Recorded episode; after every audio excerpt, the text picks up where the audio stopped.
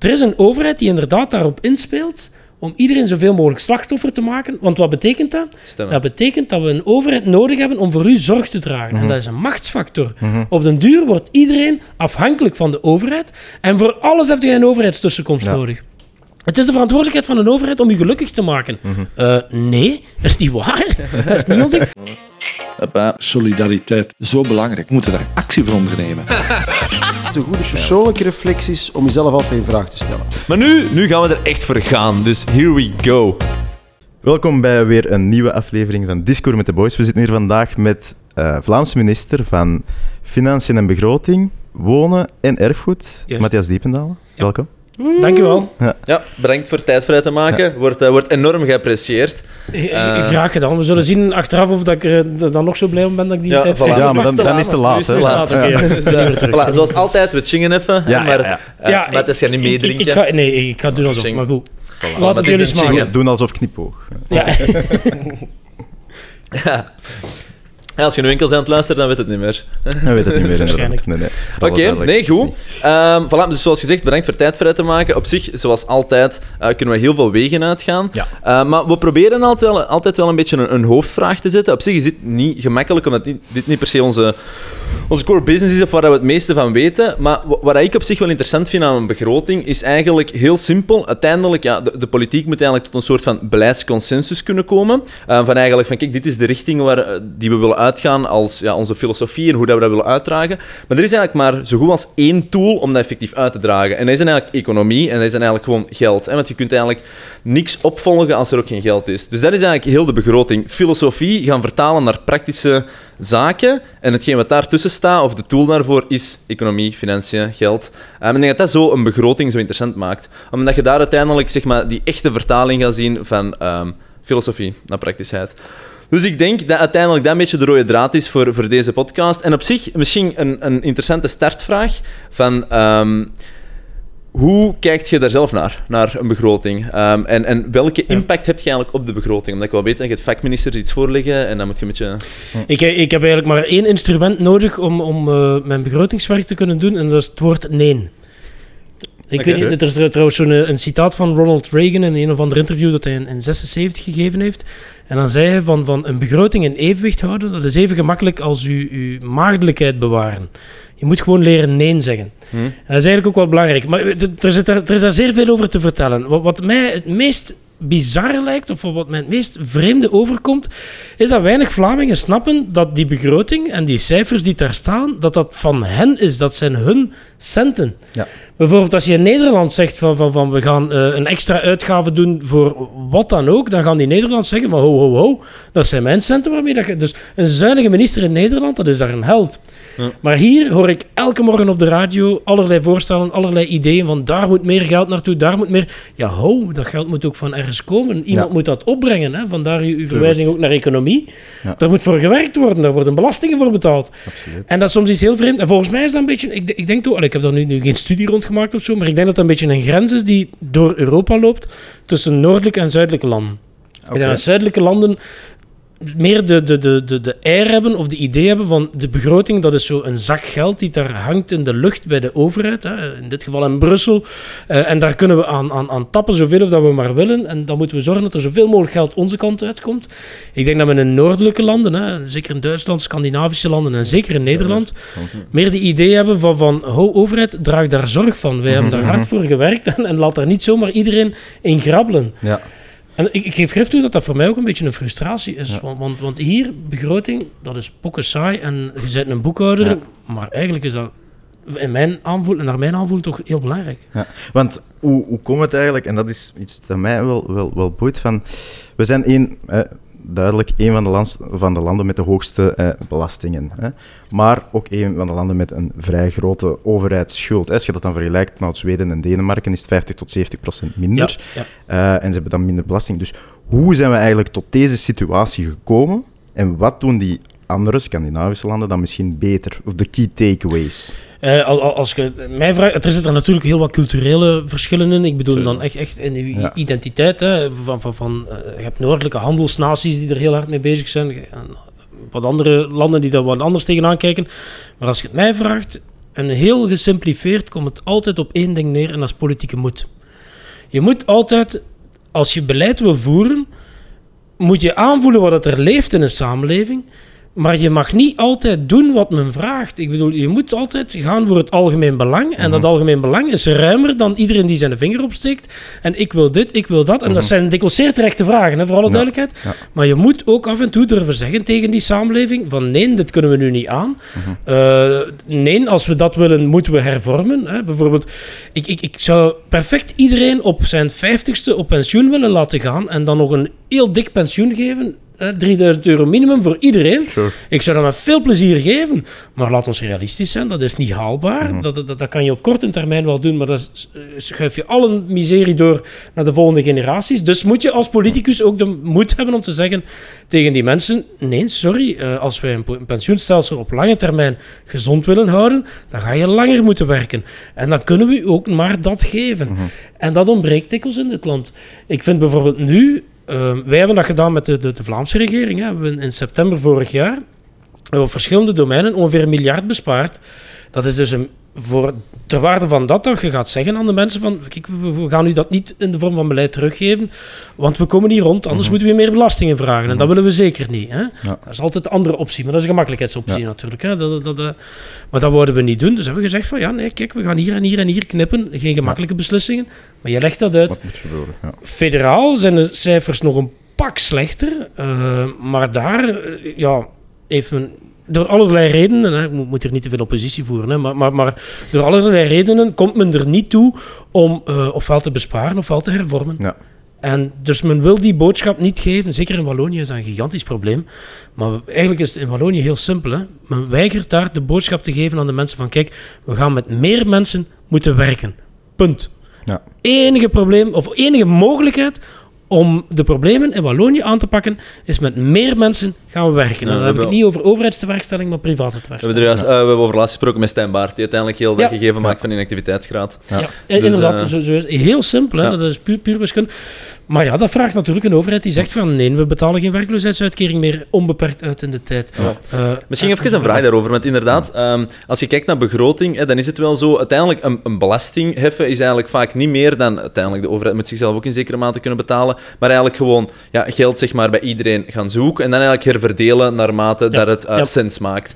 Maar ik vraag mij soms af, en het is gewoon een open vraag en ik ken er te weinig van om dat concreet te maken, maar misschien hebt u daar meer inzicht in, is van, het, het gevoel, bij mij zit hem soms wel van, zijn we soms niet een eh, stukje op een stukje aan het bouwen en constant verder en verder en verder bouwen. En in de wetenschap bestaat er zoiets prachtigs als altijd denken van het first principles. En is soms terug een beetje naar, naar de kern gaan van de Ja. essentie, naar de kerntaken. En eigenlijk van daar terug eens nadenken van, zijn we eigenlijk nog het juiste aan het doen? Of moeten we eigenlijk eens durven ja, iets ja, terug vanaf nul te herdenken eigenlijk? Ja. En, en, en dat voelt soms zo die begroting en daarom dat die schulden precies soms ook stijgen. Maar dat is heel simplified, hè. Omdat je altijd ja, in een straatje zit en je zegt, dit is de status quo, hier kunnen we niks aan veranderen, we kunnen er enkel opbouwen. Maar soms moet dat volgens mij zo nog eens... Nee, ik ben het er helemaal mee eens. Dat is, dat is absoluut zo. En dat, dat zijn die, die, die, die fiscale koterij. Hè. Als je het dan over belastingen hebt, er komt altijd maar iets bij. En, en, Ja. Maar nooit gaan we een keer nadenken over het systeem zijn Beetje, beetje gelijk Tetris, als je zo'n paar gatjes zet en je kunt alleen nog maar verder Je kunt ze niet meer, ja, inderdaad. Eh, Maar dat, dat is absoluut waar. Maar het grote probleem is, als je dan een keer iets op de schop doet, en men heeft dat met regelgeving ook, hè, die idee leeft, ik ben er niet zo heel hard van overtuigd, in alle eerlijkheid,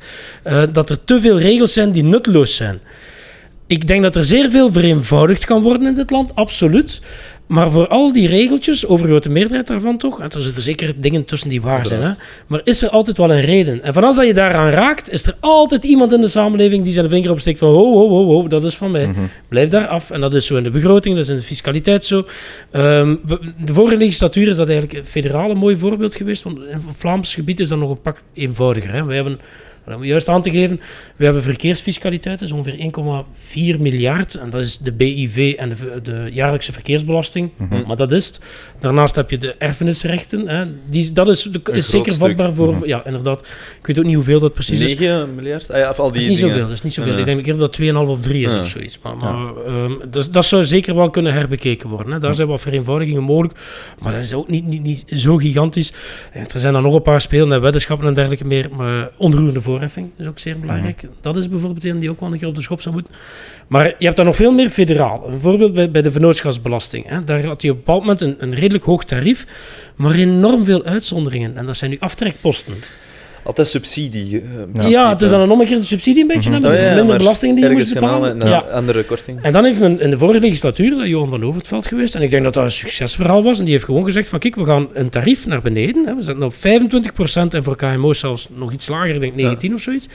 Ehm, maar we gaan al die aftrekposten schrappen. Je kunt gewoon die, die dingen niet meer inbrengen in je belastingen. Mhm. En dat is gewoon een vereenvoudiging, en dan kun je dat redelijk vlak... Maar dan weet je ook dat er altijd mensen... Er zijn altijd winnaars en verliezers. Ja, Ja, ja, ah, wel, als je niche-ondernemers hebt, Juist. hè, die dan net daar... Ja. Ja, iemand die veel beroep doet op aftrekposten, Mhm. ja, die, die gaat dan een hoger bedrag Ja. betalen. En iemand die min- minder doet, die, die gaat dan dat minder doet, die gaat dan iets winnen doordat die algemeen tarief zakt. maar iedereen tevreden of iedereen winnen is een... Zeer is een- moeilijk. Ja, Zeer Utopie, moeilijk. ja. Ja, onmogelijk. dat gebeurt ik. maar zelden. Ehm, ja. Maar goed, mijn idee is dat dat ook de betrachting niet mag zijn van, van, van, van politici. Hè. Eh, eh, allee, je moet...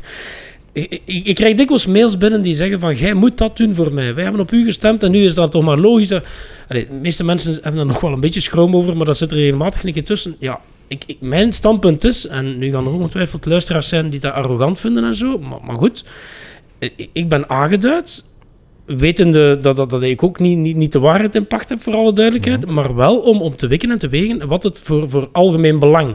En dat is voor zoveel mogelijk mensen in de samenleving vandaag, maar ook naar de toekomst toe en dus de generaties die nog moeten komen, wat dat de meest verstandige beslissingen zijn. En soms is dat ook wel een keer ja, een, een minder goede boodschap. Hè?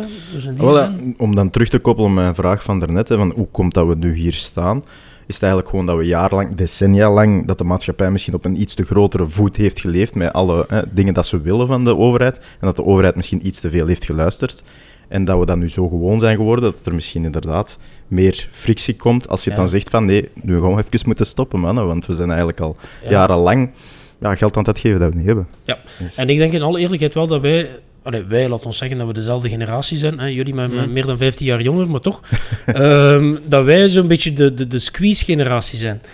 Wij zijn langs de ene kant degene die de schulden van het verleden, en dat zijn er echt wel veel, hè, dat is 450 à 500 miljard, Mhm. Ja, dat ja. is wat wij allemaal op één jaar tijd verdienen in een jaar, dat is gigantisch in dit Mhm. land. Hè. Die moeten we gaan afbetalen, want dat zijn de schulden van, van ja, voornamelijk de mensen voor ons. Maar anderzijds moeten we het ook voor onszelf afbouwen. Eh, de, hetgeen dat we terugkrijgen van de overheid, zo gezegd. Hè. We blijven aan hoge belastingen zitten en hetgeen dat we terugkrijgen. Dus wij moeten die twee in één keer oplossen. Ja.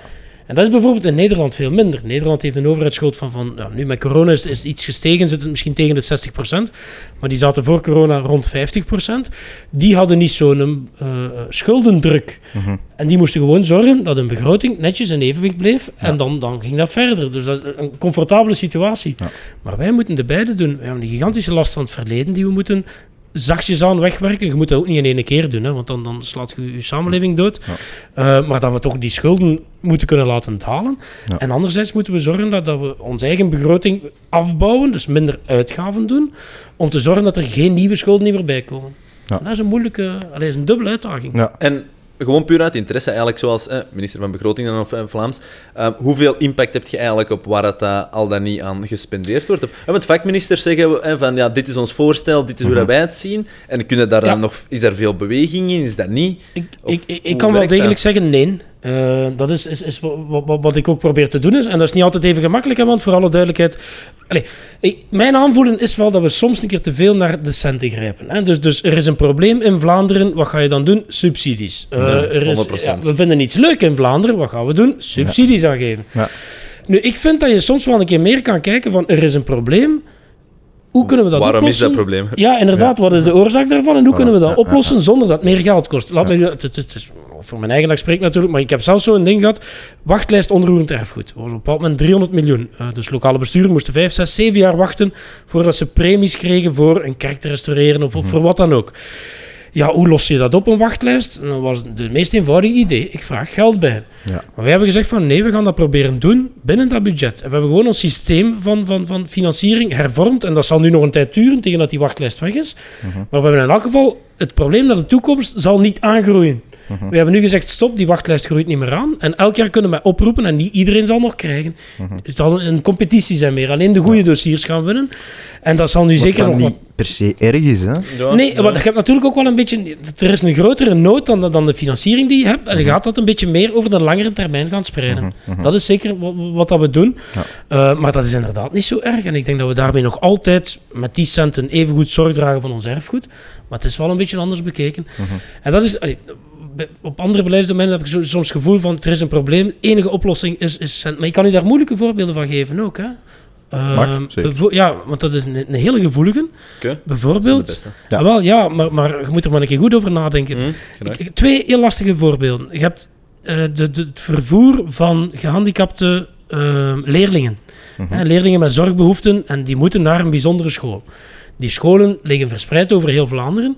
Meestal per provincie is dat wel een beetje gestructureerd, maar die liggen eerder veraf. Ja, en die jongeren wonen natuurlijk ook met allemaal hun respectievelijke eh, problemen. Hè. Mhm. Slechtziend, hoorproblemen, uh, autisme-spectrumstoornis. Ja, ja. En allemaal verschillende. En die moeten allemaal naar, de de juiste school gevoerd Ja. worden.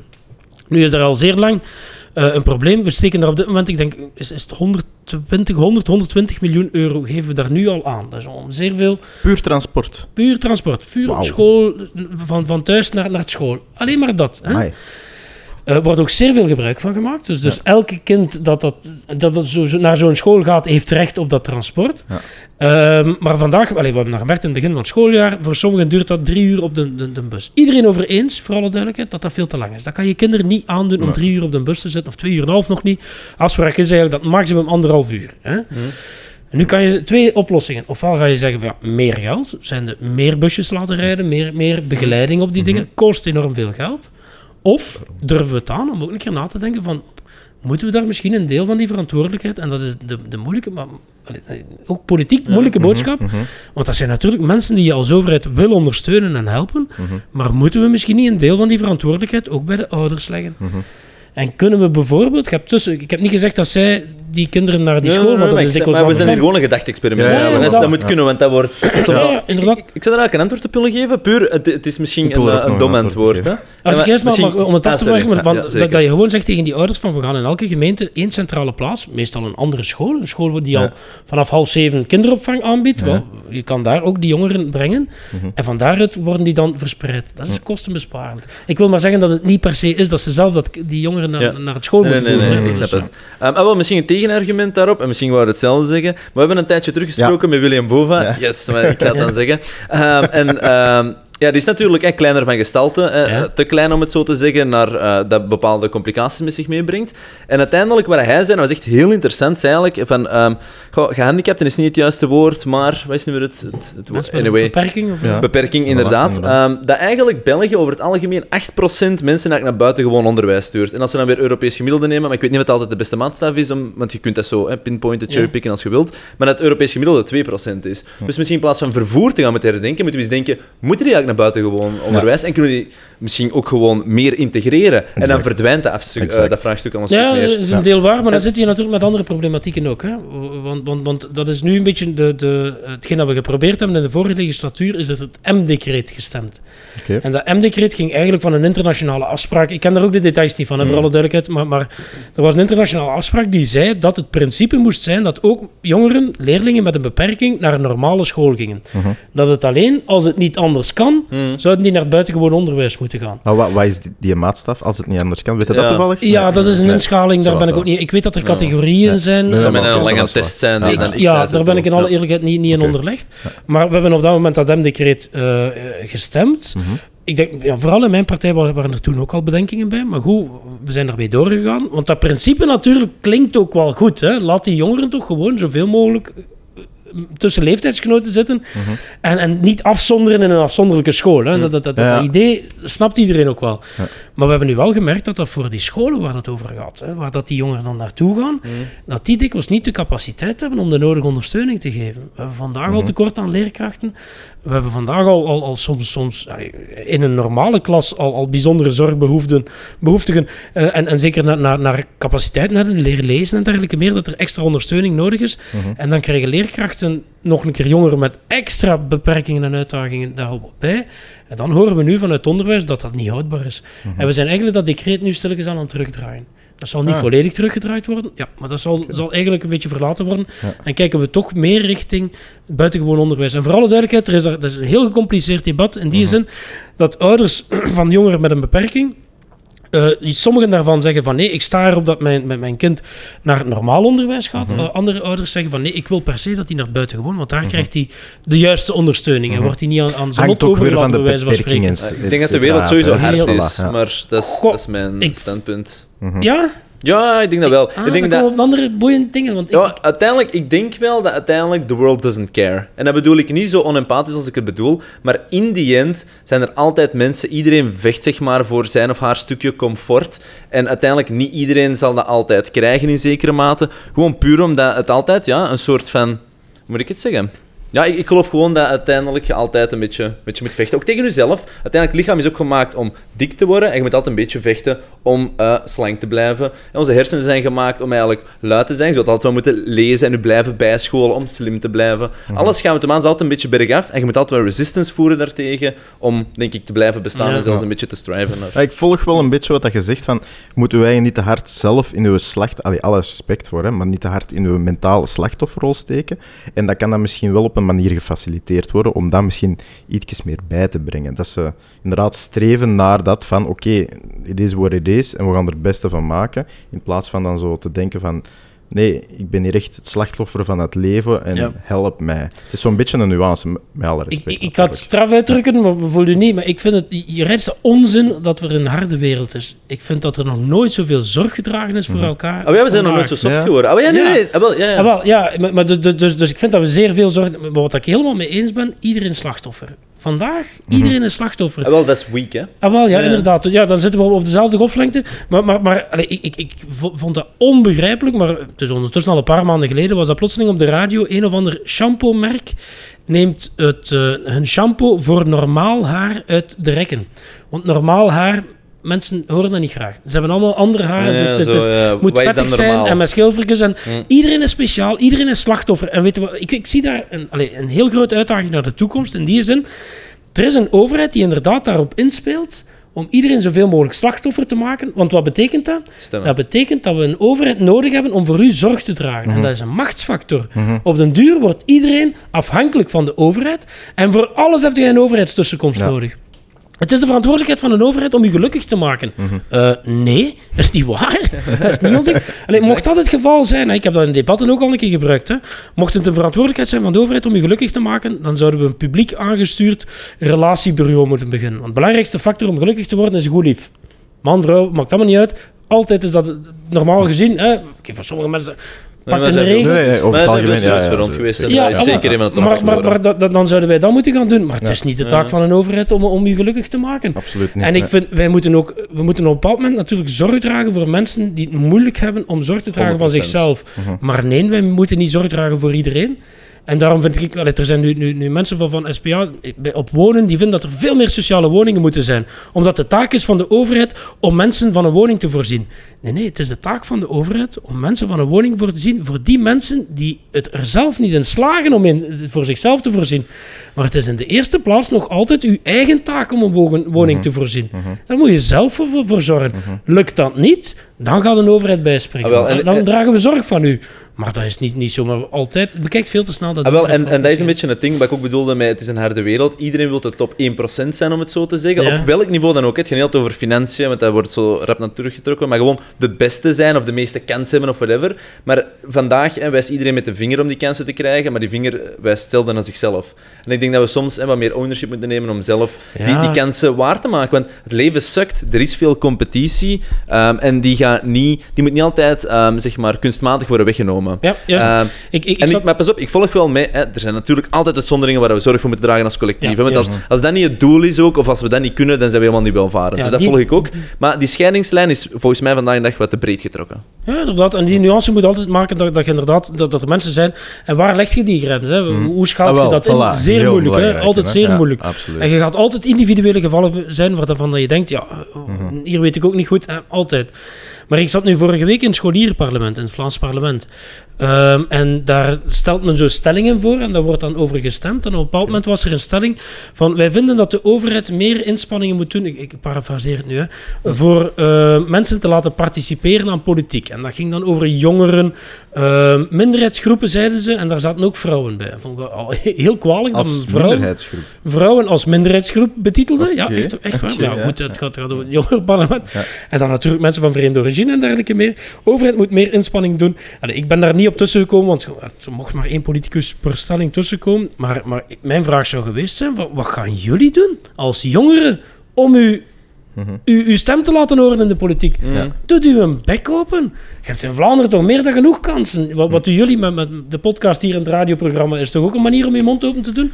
En iedereen kan dat toch? Allee, de, de, de, We moeten het soms wel meer vastpakken. Ja, ja, Ja, absoluut. inderdaad. En kom uit Begin je bij jezelf. Hè. Ja. Maar nemen ze het liever te, te, te, in de Mhm. hoek hè, en te neuten en te kneuten, te zagen en te klagen dat, dat het niet... Dus ik heb daar een beetje... Ik wil dat niet... niet, niet, niet ik druk het sterk uit, maar... Allee, ik Nee, ben- nee, maar dat is, dat is, Nee, maar dat is plezant. Ik bedoel, eh, je, die slachtofferrol, ik krijg Ja, er iets ja. van. De wereld is genuanceerder, maar je merkt inderdaad wel eh, zeg maar, de opkomst van... Ja, soms was het nogmaals snel eh, eh, met de vinger wijzen, maar zelf Ja. naar onszelf. Ja. Ehm, dat is een beetje gelijk... Ja, ah, er zijn duizenden in voorbeelden van. Maar, eh, maar ik volg... Ik, Ja, ik, absoluut. Als, als ik daar nog iets Ja. mag aan toevoegen, ik, Ja. ik, ik ben, ben het echt beu dat men het gevoel probeert wereldkundig te maken dat we vandaag in de slechtst mogelijke tijd leven ooit. Ja.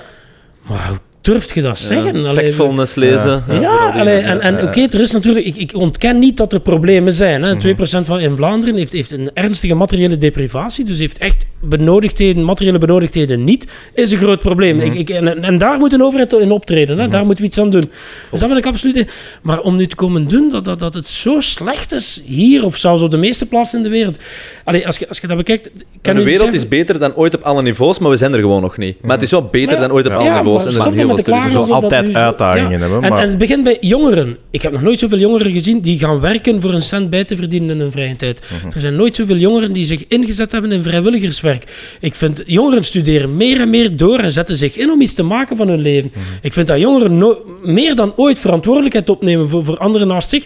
Allee, dat is maar wat ik zie als, als 2, 43-jarige van hetgeen daar rond mij. Ja. Dus stop met daarover te klagen. Er is een, naar, naar, eh, oh, als je het over de wereld bekijkt, en duizenden voorbeelden van te geven. Hè?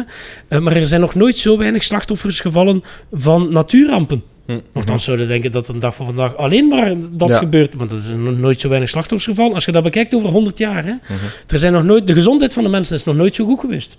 Eh, de waterkwaliteit in Vlaanderen is nog nooit zo goed geweest. Sinds de laatste 50 jaar. Hè? 200 jaar geleden zou dat veel beter geweest zijn.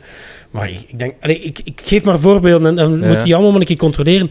Het gaat hier absoluut zo slecht niet als dat men het doet Nee, nee, nee. Er zijn waarschijnlijk ook dingen die minder goed zijn of whatever. Maar ik denk gewoon als veel- collectief hè, is alles wel naar boven. Maar dat zal nu ook altijd de realiteit blijven. Er is nu eenmaal zoiets als pech, Mhm. ongeluk, minder gesteld zijn, maar op zoveel niveaus. Dat zal ook altijd zijn. Uh, maar ik denk dat dat niveau van minder gesteld ook wel wat hoger komt. Um, en ik denk dat daar ook wel over gaat, dat de, dat de minimumlat altijd... wat- Ik, ik, ik vergelijk de samenleving... Zeker in Vlaanderen, bij de way. Want als we naar de wereld kijken, mogen we natuurlijk niet vergeten met onze westerse blik. We zijn maar 1 zevende hè, van de hele planeet. Maar, Ja, ja.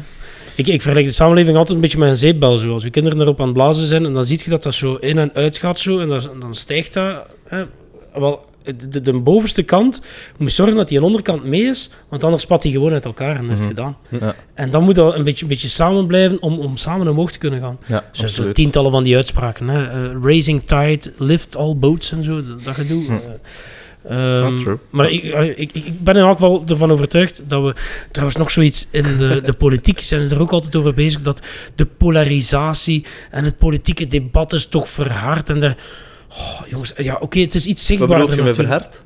Dat het nu harder gevoerd wordt, dat het ro- allee, stevig... Ik vind het emotioneler gevoerd Ja. dan ooit. Pak je Ja, maar ik, ik, ik, ik Minder ratio, meer en, roepen. Ja, en laat dat debat ook een keer... Schat dat naar waarde. Je hebt dat nodig. Ik heb het niet over belediging. Ik heb het niet over Mhm. oproepen tot geweld. Hè. Ik heb het niet over, over, over eh, allee, dingen die echt niet door de beugel Mhm. kunnen. Maar een goed stevig debat, dat mag klinken, dat moet klinken. Dat is de basis van onze democratie. En ik kan het perfect aan om met iemand in debat te gaan. En ik durf zelfs zeggen dat er mensen van de oppositie zijn waarmee dat ik nu zeer dikwijls in debat ga, maar wat ik nadien of daarnaast de grootste waardering heb. Mhm. Eh, allee, Ah, wel, dat- voilà, mensen- En dat is een heel belangrijk. Ja. Hè? Wat, wat gaat er aan vooraf en wat gaat er na daarachter? En kun je, of zet je in staat om tijdens of na dat debat ook uw eigen mening Ja. te hervormen naar, naar, naar uw Ja, tegen- tegenstander. Ja, inderdaad. Voilà. En weet je wat? Ik, ik heb niet de nood om iemand met een andere mening om die moreel te veroordelen. Mhm. Ik heb niet de nood om iemand die een andere mening heeft dan mij, en het zij extreem rechts, het zij eh, extreem links, en daar zitten dingen tussen die ik absoluut niet aanvaard. Eh daar zitten er ook bij die ik wel degelijk eh, als slecht mens zou zien, maar dan niet per se omwille van een bepaald politiek standpunt. Maar ik heb niet de nood om, om dat slechte mensen te vinden, omdat ze een bepaald standpunt hebben. Het is ook maar een bril, ik, hè? Ik ja, vind wel mensen slecht, hè. Z- Er zijn mensen slecht, hè, wel degelijk. Maar dat is niet noodzakelijk omwille van dat politiek standpunt. En dat is vandaag wel. Ja. Er zijn mensen van, van links, eh, zeker, die een NVA nog altijd slecht vinden, omdat wij sociaal-economisch wat rechtser zijn. Ik zeg maar iets. Ja. Maar dat is gewoon een mening. Ik vind ook dat je zorg moet dragen voor mensen die het moeilijk hebben in onze Is samenleving. NVA nu was sociaal-economisch linkser? En Nee. sociaal-cultureel rechtser? Eh, Want ik het is toch heel veel nationalistische economie en Ja. globaler zo? Ik moet eerlijk bekennen dat dat altijd een beetje een evolutie is. En in die zin zijn wij centrumrechts. Hè. Ja. Zowel sociaal-economisch als eh, ehm, cultureel zijn we centrumrechts. Maar ik geef toe dat je, allee, zeker met uitdagende tijden zoals nu, met inflatie en zo, waarbij mensen verarmen. hè, als je terug wilt naar begroting, kan ik u daar nog wel iets over zeggen. Maar dat je dan, dan ja, is het wat moeilijker om heel rechts te gaan. Ja. Eh, dan is het tegen. Maar zo, dat is ook extreem. Een kant is bijna nooit goed, tenzij Nee, dat je echt eh, de slinger even moet terugdraaien, omdat hem aan de andere kant En- schiet, misschien tijdelijk. Exact Dan daarom wel. is dat debat nodig. Laat dat Mhm. maar botsen. en Laat dat maar, Mhm. maar, maar ik, ik, ik, hou van dat debat. Ik, en, en het is niet omdat je een keer. uw- uw Maar een debat moet opbrengen. Ja, inderdaad. En, ja, ja. hè, je twee kanten en Ja. dat moet eigenlijk naar het midden geraken. Ja, dat, dat is het doel van een debat, vind ik. Dus je mocht ook niet daar blijven staan. Dus eigenlijk moet je na het debat, als je enkel alleen maar dat hebt gedaan, Ja. een klein beetje dichter bij elkaar, dan is het geslaagd. Absoluut. Maar als je juist een andere kant uitgaat, ja, dan is het, dan, Nee, dan heb je het fout gevoerd. Of Ja, zijn er met een foute instelling gegaan. En je hebt natuurlijk, je hebt natuurlijk allee, we, we sluiten naar een regeerakkoord en, en, en daar moet je je ook wel aan houden een beetje. Maar ik geef grif toe dat ik op heel wat punten de laatste eh, maanden, jaren op, allee, v- verschoven ben. Het is niet dat je mocht evolueren, 180 hè? ja, inderdaad. Ja, je dat moet ook niet labiel zijn. Hè. Ja. Mm, ze, hebben, ze hebben zeer lang gevraagd vanuit linkse hoek van, van geconventioneerde verhuur. En dat was iets wat ik altijd gezegd heb van, ja, nee, we zien dat niet echt zitten, dat is zeer moeilijk. We- maar uiteindelijk hadden we dan ook, omdat er een paar andere puzzels vielen, hè, dat was dan FS3-leningen die niet opgebruikt, van, ah, misschien kunnen we dat toch daarmee iets gaan doen. Mhm. Dus daar ben ik ook in gegroeid en ik steek dat niet eens weg. Misschien eigenlijk even een andere vraag. Mooi. Als ik heel even een lichte Ja, thema-switch ja, mag doen. sure. Wij kijken soms, ehm, hoe moet ik het zeggen, met ergens ogen naar de particratie. Hè. Daar zitten voor- en nadelen aan eh, om op dat niveau politiek te voeren. Eh, maar oké, vandaag de dag hè, is dit wel het, het systeem. En uiteindelijk, als je dan bijvoorbeeld op een, pot, eh, een, pot, een post zit, zoals bijvoorbeeld ehm, eh, financiën, vraag ik mij eigenlijk gewoon af, het is gewoon een open vraag van hoe... Hoe vult je dat in? Want er zijn zoveel manieren om dat in te vullen. Hè. Oftewel is dat een beetje van, goh, we hebben een soort van achtig consensus bereikt hè, binnen het Vlaams parlement. Ik probeer die een bril op te zetten. Is dat een NVA-bril? Is dat eh, uw eigen bril? Is Ja. dat alle brillen tegelijk? Maar dat lijkt me al een... Maar, eh, Hoe, hoe, hoe doet je dat? Eigenlijk is dat in drie trappen. Eh, eerst is er uw partij. Hè, en je spreekt het woord particratie uit. Hè. En Ik zal, als, je, als je deze doorstuurt naar de VRT, ga ik wat over mij heen krijgen. Maar ik ben... Ik weet dat er we wat- zeker voor zorgen dan. Ja, oké. maar ik weet dat er wat excessen zijn, maar ik ben voorstander van particratie. Wat betekent particratie? Dat is dat je je verenigt in een ploeg, een groep, een team van mensen die min of meer hetzelfde gedacht hebben. Dat is nooit 100% hetzelfde. Het is niet op alle punten dat ik 100% akkoord ben met mijn par- partij. Dat is gewoon niet zo. Maar je gaat u wel verenigen omdat we in grote lijnen een gelijk gedacht hebben. En dan gaat u gaan verenigen en, probeer, verenigen en dan probeert je als ploeg vooruit te geraken. Bijvoorbeeld op begroting hebben wij de idee als NVA dat je moet heel verstandig omgaan met, begrotings, met, de centen van de mensen, Ja. met de financiën. En dat je dus niet te veel lasten doorschuift naar de volgende generatie. Dat is de eerste stap. De tweede stap is dat je met die eh, ploeg, hè, die groep, je hebt geen 50% van de mensen, je hebt niet de helft plus één. Dus ga je met andere partijen gaan zoeken naar hoe kunnen wij samenwerken.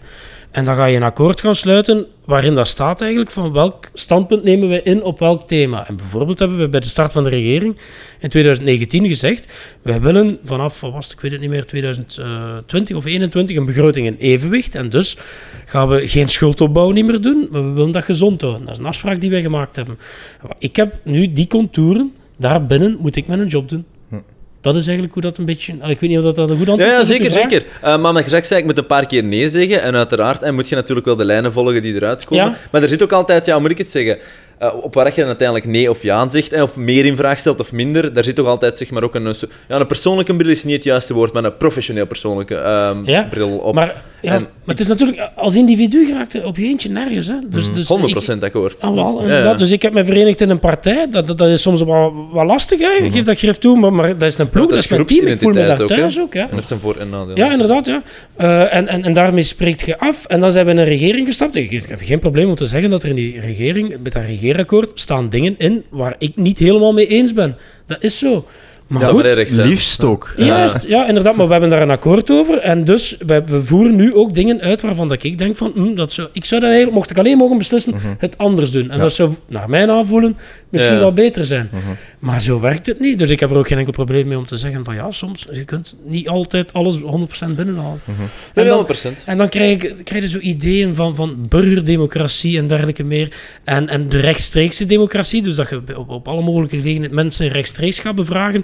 Voor alle duidelijkheid, ik heb, ik heb over inspraak en dialoog met de burgers heb ik geen enkel probleem. Hè. Dat, dat, dat, dat, dat doe ik zelf ook. Allee, natuurlijk wel. Ik, ik, ben ook een burger, dus, dus ik, ik leef ook in, tussen de mensen. Ehm, en dat moet je wel doen. Maar ik ben altijd voor de vertegenwoordigende democratie. En dat is mensen aanduiden en die moeten het maar gaan doen. Die moeten dan maar, maar, maar de beslissingen nemen die, die, die verstandig zijn. Ja, goh, we, ja, we hebben een- een... Ja. Zeg Ja. maar, zeg maar. Nee, nee, nee, want op zich dan vallen we een beetje in, zijn, in, eh, in een herhaling met dingen. Maar moet ik het Ja, kort zeggen of gaan we het skippen? Eh, heel kort. Misschien dat een ander uh, Ja, ja, ja, zwaar. Oké, dus ehm, wij zijn niet per se de grootste voorstander van de huidige democratie. Of ik zal ik gebruiken, hè, want ik kan natuurlijk niet voor u spreken. We zijn niet de grootste vorm van de huidige vorm van democratie. Waarom? Uiteindelijk je hebt zeven partijen, plus minus, waarop dat je kunt stemmen. En eh, in, in functie van ja, de stem moeten die eigenlijk gaan onderhandelen. Eh, maar het is eigenlijk wie dat een beste onderhandelaar is, die eigenlijk eh, een soort van goede front kan vormen om beslissingen te Denk- maken.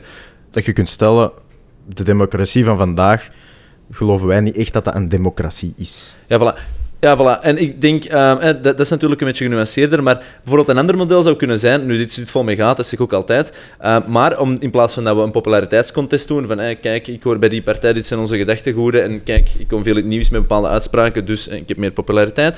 In plaats van op mensen te stemmen, dat in het stemhokje, je bij van spreken, 100 vragen beantwoord, eh, wie stelt Ja. de vragen op en framing en bla bla, dus het is niet praktisch, moeilijk, maar ja. daaruit komt dan wel een soort van lijn. En als iedereen dat doet, en eh, we, laten dat, en we laten daar een soort van mission statement eh, uitkomen, dan heb je wel één visie die, waar dan net iedereen zo ah, gelukkig ongelukkig over is, maar iedereen moet dan wel die visie volgen. En nu blijft iedereen altijd in zijn partijhokje zitten en probeert dan, ja, kom, we zullen onderhandelen. Maar als iedereen iedereen binnen het parlement dezelfde visie zou moeten volgen, weliswaar het, het, eh, het challenge op bepaalde niveaus, dan heb je toch een ander soort dynamiek. En ik geloof wel dat die dynamiek niet per se slechter moet zijn. Natuurlijk, de praktische uitvoering, wat ik nu heb gezegd, ik zou niet weten waar te beginnen, denk heel veel mensen niet. Oh, Maar, Zwitserland gezien... heeft het een klein beetje. Hè? Zwitserland heeft dat, maar die hebben er een hele grote traditie in. En dat hangt ook, ook samen met andere dingen. Hè? Voor de, de burgers in Zwitserland is veel, veel groter. Daar heb je mensen die, die in hun vrije tijd achter het loket gaan zitten in de stad bijvoorbeeld. In Ja. hun vrije tijd, onbetaald. Dus dat is Ja. zoveel meer dat, dat we nemen een Ja. rol op in de samenleving. Ja. En daar, die hebben dat wel. Maar om, om daarop te reageren, twee dingen. Hè? Want, want ik vind het niet onzinnig wat dat gezegd, hè? absoluut niet. Maar eigenlijk doe je dat een beetje met uw partijprogramma ik geef stellingen weer aan de, de, de, de, de, de kiezer. Hè, en die moet dan. En ik denk over sociaal-economisch zo, ik denk over justitie zo, ik denk over ding. Ja, maar dat fragmenteert. Ja, inderdaad gefragmenteerd. Het is niet over ding. Want als je dat niet zo doet, hè, dan stel je voor dat je de vraag stelt aan. aan eh, 100, allee, aan de burger in Mhm. Vlaanderen: van, wilt u nog een, een migratiebeleid? Slechte vraag. Nooit antwoorden op een slechte vraag. Maar ja, wat zou dan een goede vraag zijn over migratiebeleid? Daar ben ik te dom voor, maar daarom moeten heel slimme mensen... Ik denk uiteindelijk, als je een goed antwoord wil, moet je beginnen met een goede vraag. En je kunt, Ja, denk ik, heel slechte vragen stellen die dan iets creëren. Ja, maar daarom dat ik waar. zeg, praktisch, geen antwoorden. Hè? Nee, Maar- want dan heb je natuurlijk altijd degene die de vraag moet gaan opstellen, die, die, Ah, voilà, dat is- heel voilà. veel macht voilà, heeft. ja, ja, voilà, dus daar zit de fly. Het hè. Gaat over belastingen, meer of minder belastingen. Ja, er zijn weinig mensen Maar gewoon, ik denk, als je het een beetje hoger bekijkt, minder de brand gaan stemmen en Ja. meer de, de waarde dat uw brand zal Ja, oké, uitstralen. maar ik, ik snap het wel. Hè. En zeker, misschien moet het meer gaan over inhoud. Hè. Bijvoorbeeld Frankrijk. Ja. Twee uur en een half duur een debat tussen twee presidentskandidaten. Top, is inhoud, hè? Top, dat is inhoud. Ja, Daarover gaat. Dus dat, dat kan ik echt wel hebben. Maar een ander punt, en je spreekt Ja. over populariteit. Ik, ik, ik, ik- het is zeker zo. En mensen interesseren, je kunt ze dat niet eens kwalijk nemen, hè, maar die interesseren zich niet al te veel in politiek. En, en dan gaan ze al rapper op, op eerder oppervlakkige, om oppervlakkige reden voor iemand gaan stemmen. Zeker. Maar in mijn ogen heeft het ook zeer veel te maken met vertrouwen. Wie vertrouwt je? Ja, wel, dat is ook eens een Ah, keer wel, gezegd ja. geweest in de podcast. En dat- wel kan ik goed zeker in argument. komen, ja. ja. Maar je het is kunt ook dat niet populariteit noemen, Ja. maar het, het heeft, ja, wie, wie gaat er mij het best verdedigen, waar, ik voor sta, en, en Mhm. op die verschillende thema's. Maar moet daar per se een gezicht op plakken? Dat is de vraag. Maar dat is Goh, ja. emotioneler. Ik ben iets meer pro-ratio. En dat is gewoon, denk ik, het gewicht Ja. dat ik voel. Ik, ik snap dat punt, maar ik geloof absoluut niet in een technocratie. Want daar komt je op een duur aan. Hè? Als, als je dat heel sterk doortrekt, dan ga je alles beantwoorden in nulletjes en eentjes. En dat je Ah. eigenlijk, eigenlijk een, een Nee, nee, nee, maar het is, nee, nee, maar het is irrationeel om te zeggen dat emoties niet bestaan en dat we geen menselijk dier Ja. zijn. Dus dat zou een irrationeel, rationeel principe zijn. Dus eigenlijk Wauw. voldoet het dan niet Ja. aan zijn eigen normen en waarden. Nee, ja, juist. Dan, dan, dan heb je natuurlijk... Ja, een paradox en een Ja. cirkel. Ik weet, ik, het is erom dat we het... Ja, ja. We zijn er nog niet allemaal. Nou, dus ik nou, denk blij dat ik kan volgen tot nu toe. dus. Er zijn gewoon voor- en nadelen aan Nee, alles, maar we zijn nog niet klaar. Maar vandaag de dag valt het gewoon op dat het heel hard... Allee, naar mijn mening toe, hè, dat heel veel marketing, branding en personal branding Is is. zo, is zo, dat is en waar, dat is goed. Het ligt er een beetje vingerdik op en het is zo elke keer van... waar. Ja, juist, dat is zo'n juist. beetje het gevoel dat dan je, nalaat. je hebt nu al twee keer gezegd, we zijn er nog niet. Ja. Hè, Dat, is zo, dat vind ik ook... Ik had dat vroeger ook volledig. Hè, en we, we, streven ergens naar, naar eh, perfectie. En, en de keer dat we daar zijn, is het gedaan. Dat is zo het idee. Dat bestaat niet perfect. Juist. Je moet er je goed van bewust zijn, denk ik. Hè. Spreek me gerust tegen. Mhm. Maar, maar, maar je moet er je goed van bewust zijn dat, dat, dat ook dat gesprek over democratie... En pak nu dat we het zouden aanpassen, dat we praktische oplossingen hebben voor uw probleem. We voeren dat in. Dan gaan er volgens mij weer andere dingen nadeliger zijn. En gaan we terug moeten bijsturen. Mhm, En we gaan weer een nieuw systeem. En eigenlijk is het nooit gedaan. Nee, Ik vind, ik, 100%, maar dat is oké. Je moet er Ja. een beetje vrede mee Ja, hebben, dat je nooit af bent. je, je hebt, je hebt eh, Mao, hè, je weet wel, de dictator uit China ooit. Dus ik ga die niet te veel citeren, en zeker niet Ja. op de manier dat hij het wou. Maar die had zo wel een uitdrukking, wat ik, ik vind een goede uitdrukking gewoon. Dat is permanente revolutie. En dan moet, alles en iedereen moet dat doen, maar zeker een overheid heeft de plicht zichzelf voortdurend in vraag te stellen. En een overheid mag nooit denken dat regels die er vandaag zijn, dat die morgen ook nog Mhm. goed zijn. Dat afspraken die vandaag gemaakt worden, morgen ook nog goed zijn. En moet zichzelf voortdurend heruitvinden. Een bedrijf moet dat Ik ben, ik, ben, ik ben daar 100% akkoord mee. En daar vind ik dat we vandaag de dag, maar dat is mijn mening en is waarschijnlijk niet eh, representatief voor helaas de bevolking. Maar, en ik vind dat we daar als individu een probleem hebben. Omdat uiteindelijk als onze cultuur zei dat een individu zichzelf eh, constant in vraag moest stellen en een soort van nooit tevredenheid hebben, et cetera, zouden we automatisch in het parlement terugkomen, omdat dat bestaat vanuit het individu dat eigenlijk doordraagt naar de cultuur. Maar ik denk dat dat nu niet in de cultuur zit om zichzelf in vraag te stellen, waardoor dat zo een soort van holle slogan lijkt, die niet doorgevoerd wordt, omdat niet alle individuen binnen ja, dan het gegeven dat geloven. En dan ontbreekt iets. Maar dan is het van, van buiten naar binnen uitwerken, maar ik geloof dat je eerst iets excentriek moet, eh, of intrinsiek moet eh, geloven, en dan kun je dat uitdragen. Dus ik denk dat we daar een cultureel probleem hebben dat zich dan ja, duidt in de grotere eh, mechanismes, zoals een parlement, grote bedrijven en al die Nee, is waar. Oké, ik kan ermee gaan. Maar we zijn misschien wat ver van het vinden. Ja, we zijn heel snel. De filosofie. Ja, Hopelijk vind je dat oké. Nee, Eh, geen probleem. is Alles begint bij begroting. Dat is... eh, Voilà. Ehm, ik, had, eh, ik had er nog een vraag over, maar ik ben ze even vergeten. Dus als jij een specifieke vraag hebt, dan... Ja, ik heb nog niet, niet mega... eh, je zei er juist culturele verschillen, et cetera, maar zo... De key takeaway dat de Scandinavische landen goed doen op vlak van begroting. Of wat, wat echt daar het verschil Ja. maakt. waarvoor je geldindex? Ehm, het- want, want we zeggen wel een keer dat we te veel belastingen betalen, maar nu, nu moet, als je dit eruit knipt, ga ik ook wel over mij heen krijgen trouwens. Maar dat hoeft niet per se waar te zijn, zolang dat je van die overheid, maar onder de vorm van beleid, iets terugkrijgt. Waarvoor je geldindex? Maar dat is niet de defini- definitie van belasting. Hè? Belasting is iets dat je afgeeft zonder dat er iets voor teruggegeven wordt. Anders heb je... Ik ben even het woord kwijt. Jawel, ja. ik ben het woord even kwijt. Als je er iets voor teruggeeft. Wow. Retributie. Ja, Ja, oké, maar, ik snap- ja, maar dat is een technisch verschil natuurlijk, Ja. inderdaad. Maar je betaalt natuurlijk belasting aan de overheid, opdat die overheid daar een, een, een organisatiemodel en, Ah, wel, en voor- dingen mee doet in de samenleving. Voor het algemeen nut, hè, dat gaan bespelen. juist. Jawel, hè. dus Ja, daarover gaat het. Zij moeten Dus dan ja, justitie organiseren, moeten ons beschermen ehm, met een goed leger en politie, en moet, Mhm. moet, moet, moet eh, onderwijs voorzien en dergelijke meer. Gezondheid. transport. Ja, gezondheidszorg, ja, absoluut. Heel belangrijk. Dus, dus, dus, en het idee is, ik heb op zich geen probleem met hoge belastingen. Dat, dat, dat kan. Maar dan moet ook wat ik terugkrijg van de overheid echt wel Ja. goed zijn. Representatief Ja, zijn. ja, ja. En daar scoren Scandinavische landen veel beter dan wij.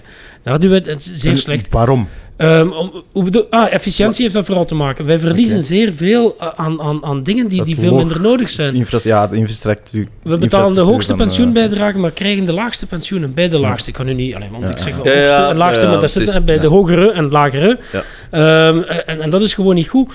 Ehm, langs de andere kant, onderwijs bijvoorbeeld, doen we het wel goed. Hè? Mhm. We betalen ook zeer veel voor ons onderwijs. Ik denk dat we bij het duurdere onderwijs zijn van Europa, zeker het secundair onderwijs. Maar de kwaliteit is ook nog altijd, en er moet daarop gelet worden dat die kwaliteit wel goed blijft. Mhm, En daar zijn wat vragen, hè, dat dat wat afkalft. Maar voor, vooralsnog kunnen we nog altijd stellen dat we hoge kwaliteit hebben. Van. Maar op die punten, heel wat dingen zijn volgens mij heel inefficiënt georganiseerd. En je moet dan concreet gaan kijken wat dat is. Je hebt in mijn ogen zeker het probleem van het feit dat we vroeger veel te veel uitbesteed hebben aan de zuilen. En dat is nog altijd zo. Heel veel geld vloeit voor, door naar, naar ziekenfondsen, CM, de socialisten, de liberalen. En daar zit heel veel geld. Ik kan dat ook effectief aantonen, dat er zeer veel geld naartoe gaat. En dat komt niet altijd op een degelijke, voldoende degelijke manier eh, terug. Justitie, wij slagen er niet in om dat deftig te organiseren. En dat is voornamelijk omwille van puur ons, ons, ons bestel zelf, dus de instelling zelf, die slecht georganiseerd is. En als je daar wilt aan raken, dan zijn er direct advocaten en rechters die zeggen van oei, oei, oei. Ja. Eh, dat, bij sociale zekerheid hebben we dan ook weer die, die, die, die verzuiling. Goh, en dan gaan we verder. Hè. Eh, Dus echt gewoon pure infrastructuur Organisatie. van België. Organisatie. Organisatiestructuur Ja, van denk dat we de eigenlijk- gewest en blablabla. dat we eigenlijk te weinig managen. Ja, een ja. beetje meer moeten. Bijvoorbeeld, wat ik nu heb ingevoerd bij de begroting, en dat is nu sta in zijn kinderschoenen, maar dus dat zal de komende jaren worden uitgerold. We zijn er nu mee bezig met de eerste. Dat is uitgavendoorlichtingen. En dat is gewoon de heel eenvoudige redenering van, kijk, ik geef een euro uit om een bepaald maatschappelijk doel te bereiken. Ja. Bijvoorbeeld, zeg maar, ik geef een euro aan onderwijs, dat is opdat alle kindjes slim zouden worden, of goed, onderwijs zouden krijgen. Maar wij gaan nooit een keer na van, is dat nu wel zo? Ja. Is die een euro die wij uitgeven wel ding? Ja, heeft het zijn effect bereikt. hè? Juist. Ja. Er is We- niet, geen controleorgaan daarvoor. Weinig. Allee, ik stel het nu heel simpel Niet nog een Dus- extra dus- commissie opstellen, hè, Bit, Nee, ja, maar- maar, eh, We hebben dat bijvoorbeeld gedaan bij dingen. Dat is het mooiste voorbeeld om, om begrijpelijk te maken. Dienstenchecks. Hè? Je kent dienstenchecks. Ja, Eh, we betalen er ongeveer, ik denk, eh, het zal, met corona weet ik het niet juist meer, maar het is 1,2, 1,3 miljard. Dus dat is een gigantische uitgave. Dat is heel veel. Ehm, maar dat heeft drie doelen, doelstellingen. Eerst en vooral zwart werk tegengaan. Ten tweede, het voorzien van laag, eh, eh, arbeid voor, voor, voor laag opgeleiden.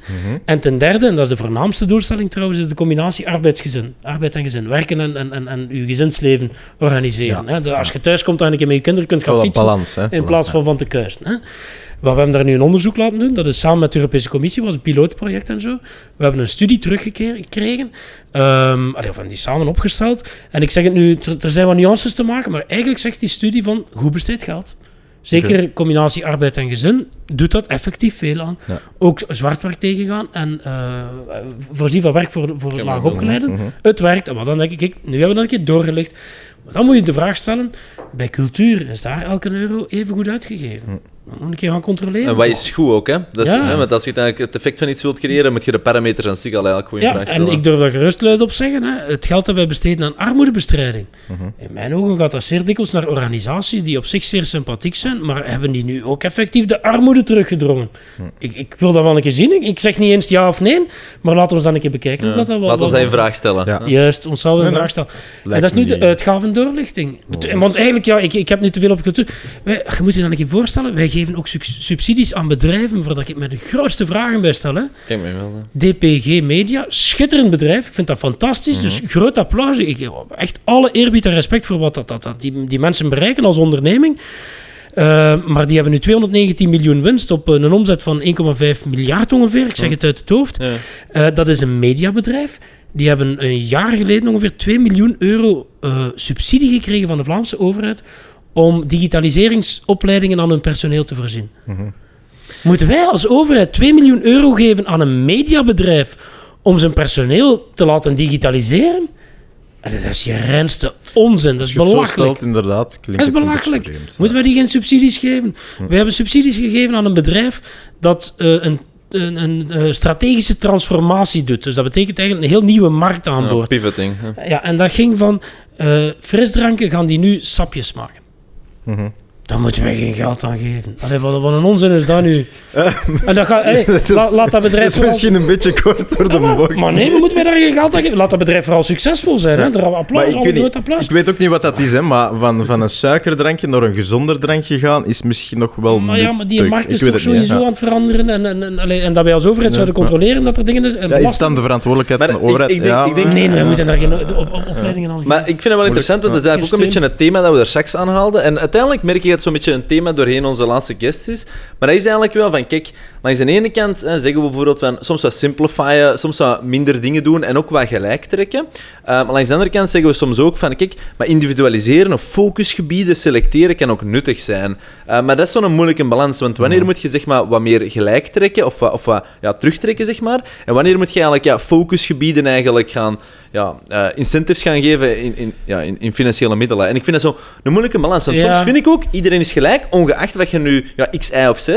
Maar soms kun je ook wel het argument maken, ja, individualisering of focusgebieden werkt in dit niveau. En, en dan komt iets van die tafereel, hè, van moest, moest, die, moest dat bedrijf, nu specifiek waarover je het hebt met Sapiens, moest die dat krijgen, ja of nee? Maar zijn misschien 99 andere personen daar, of, of bedrijven daar dan wel mee geholpen, en is dat Ja. dan misschien zo... Ja, ja, maar dat is waar, maar dat is altijd een moeilijke afweging. Ik vind, Mm. vind deze voorbeeld nu, nu absoluut geen moeilijke afweging, maar het is soms ook wel zo dat we willen dat, dat, dat, dat er in onze economie een bepaalde richting wordt uitgegaan.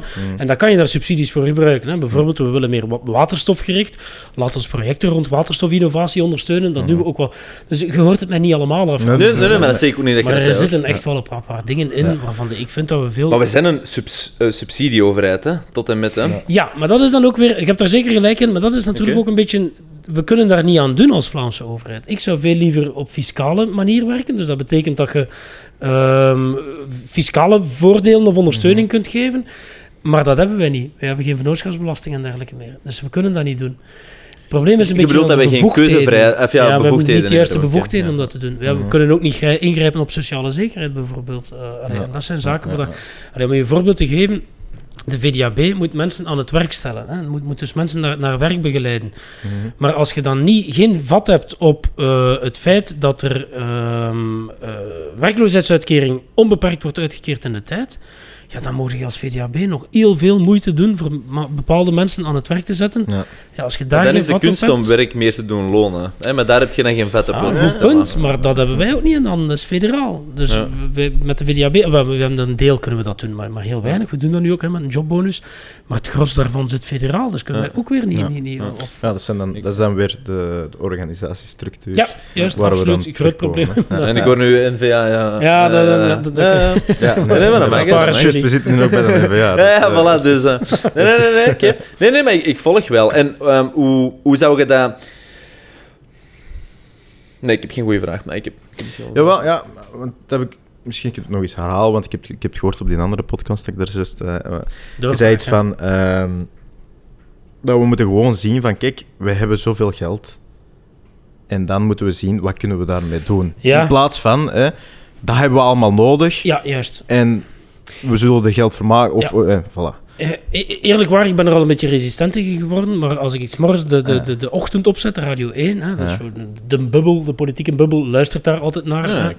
En dan krijg je heel, ja, moet echt, maar dan krijg je, er is niet één ochtend, denk ik, per week dat er een keer niet ergens iets aan bod komt waar te weinig geld naartoe gaat. Ja. Ja. En voor alle duidelijkheid, ik spreek dat ook niet tegen. Hè. Nee, nee, want het zal Kan- waar zijn. hè? Ja, maar misschien ook niet altijd. Maar samenleving is zo complex. Maar Juist. waar ligt de verantwoordelijkheid? Ah, wel, en, waar ligt vooral de vraag van, van, van, van, van ehm, we hebben 100, we moeten die 100 verdelen over 150 noden. Ja. Dat is, Moeilijk, hè? Dat we, ja, inderdaad. En dat is wat de politiek moet doen, dat is Ja. prioriteren. Ja. Vandaar willen we wel aangeven en waar niet. En ik kan u daar heel moeilijke voorbeelden van geven. Hè. Allee, Nog eens. een- een- een- ja, ja. Je hebt ehm, veel moeilijke voorbeelden. ja, maar daar Maar zit je komt volgens mij voor veel moeilijke vraagstukken. Ja, dat zal ja, wel. ja. Dat zal wel. Maar ik heb bijvoorbeeld, eh, goh, ik ben nu net de naam kwijt, maar er is zo een vereniging van fotografen die eh, foto's nemen van, van, van sterrenkindjes. Eh, kinderen die, die, die overleden zijn bij de geboorte of vlak na de geboorte. Ja, Oké. oké. Bijzonder gevoelig natuurlijk. Hè? Mhm. En op een bepaald moment, ja, daar wordt subsidie voor gevraagd. En dan denkt je natuurlijk, ja, oké. Dat stel ik in vraag. Maar dat is een eerste gedachte natuurlijk. Mhm, mhm. Maar eh, Ja, maar dat is de emoties hoeven niet altijd gesubsidieerd ja. te worden. Jawel, maar, maar er is er heel dingen natuurlijk. En, en, Subsidie voor emotie? eh, Nee. Ja, maar Maar cultuur is ook een emotie, dus... eh, ik vind dat nee, fantastisch nee, dat er een deel, vrijwilligheid in zit ook. En waarom moet alle vrijwilligheid gecompenseerd worden met met geld? Dan is het niet meer vrijwillig, hè? Nee, inderdaad. En ik, Ja. vind, en ik kan ook wel Nee, snappen dat snap oké, ik dat je een beetje een onkostenvergoeding geeft. à la daar gaan we mee. En, en, maar als er zo'n vrijwillige, een schone daad is... Soms vind ik als overheid, houd er uw fikken af. Blijf Mhm. er af. Leven en- misschien en- een- en geef er geen subsidie aan. Mhm. Regel het ook niet, want die doet, dat gaat perfect. Dat is Ja. de, de, de samenleving, de Zit er buitenlandse niet in te samenleving die roeren, goed... voilà. Ja, inderdaad. Ja, en dan blijft wel. die schoonheid in onze samenleving ook, zonder dat dat per se moet aangestuurd zijn van de overheid. Want wij is volgens mij het grote gevaar op lange termijn, dat je op den duur niks meer van die dingen gaat hebben, zonder dat het overheid... Door alle overheid- ballastregulaties er rondtrent. Juist. En, ja, En dat ik heb graag Dat dat is er ook wel het wat een organische beetje dingen... naar communisme, hè? om een Ja, heel ja. extreem Ja, voorbeeld te ja. geven. hè. Juist. Maar je Ja. merkt dat wel, ja, hoe meer dat je natuurlijk op collectief niveau gaat regelen en hoe minder dat iets individueel is, en collectief is dan vaak vanuit een overheid geregeld, ja, hoe meer dat je ja, ja, dat economisch model aanpast eigenlijk, hè. daar komt het Ja, gewoon op neer. inderdaad. Ehm, Het zijn moeilijke, moeilijke vraagstukken wel, hè? Want, want dat is natuurlijk een thema waar dat ja, ik ben evident iedereen eh, sympathie mee heeft. Hè? ja, maar het is niet omdat je sympathie mee iets hebt, dat daarom de overheid er iets mee moet doen. Maar dat is iets, Juist. en ik heb, ik heb er straks wel eigenlijk rond opgezocht, maar niet te veel. Ehm, maar dat, dat is een vraag, en ik, die komt misschien wat te weinig aan bod, zeg maar, binnen de politiek Waarom? zelf, of het is al sinds te weinig zichtbaar. Eh, maar en we hebben het er juist ook al over gehad, wat zijn de kerntaken van de overheid? Juist. En een overheid eh, moet zich bezighouden met kerntaken. En alles wat daar eigenlijk secundair aan is, daarvoor heb je VZW's, daarvoor heb je bedrijven, daarvoor heb je burgerinitiatieven, daarvoor heb je gewoon mensen die zeggen, hier ben ik niet mee akkoord, en dat is cool. Maar een overheid moet zich bezighouden met kerntaken en daarnaast maximaal faciliteren. Ja. En daar Ja, stopt het ook. Maar ja, waar ligt de lijn? Hè? Dat, is, dat is natuurlijk gemakkelijk gezegd high level. Hè? Ja, daar is, daar is, daar is, Maar- die, die maakt juist voorwerp uit van politiek debat, hè, daar gaat het over. Ja. Maar ik vind ook dat de, de overheid creëert een kader en daarbinnen moeten mensen in alle vrijheid hun ding kunnen doen Mhm. voor wat zij maar willen. En wij creëren dat kader. Ja. Maar ja, hoe groot, hoe sterk, hoe breed, Ja, hoe dik ja. is dat kader Dat is Heel moeilijk. Maar inderdaad, je merkt precies wel zo de afgelopen jaar, tiental jaar misschien, dat de overheid zo inderdaad te veel focus niet meer op die kerntaken, maar op die side Ja, dingen inderdaad. legt. En dat er zo precies een helft, het is zo half-half geworden van, en we moeten dat, en we moeten dat. Ja, nee, eigenlijk niet. Of misschien Nee. een stuk, maar het is zo...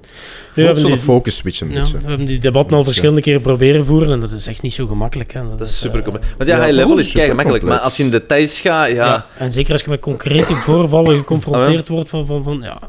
Ja, Maar, ja. ja.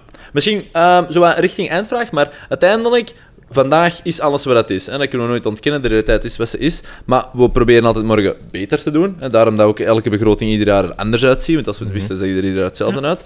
Als je nu gewoon voor jezelf voelt van... Kijk, dit is voor mij denk ik een, een beweging... Of je mocht vanuit NVA spreken of vanuit jezelf, dat mocht je maar kiezen. Maar ehm, dit is volgens mij een beweging waar we als overheid iets meer naartoe moeten gaan. En dat heeft dat, zo wat, dat effect op de begroting. Waar ik extra nee of extra ja tegen zeg. Ja, die, die kerntaken, hè. Maar, maar je bedoelt concrete voorbeelden? Of, of, of, Nee, nee, het mag wat, filo- het mag wat high level. Mag echt invullen zoals het uw hersenen binnenkomt. Ja, wel, maar mijn algemeen politieke stelling... eh, ik, allee, ik ga ervan uit, en voor mij is dat in elk geval een leidmotief...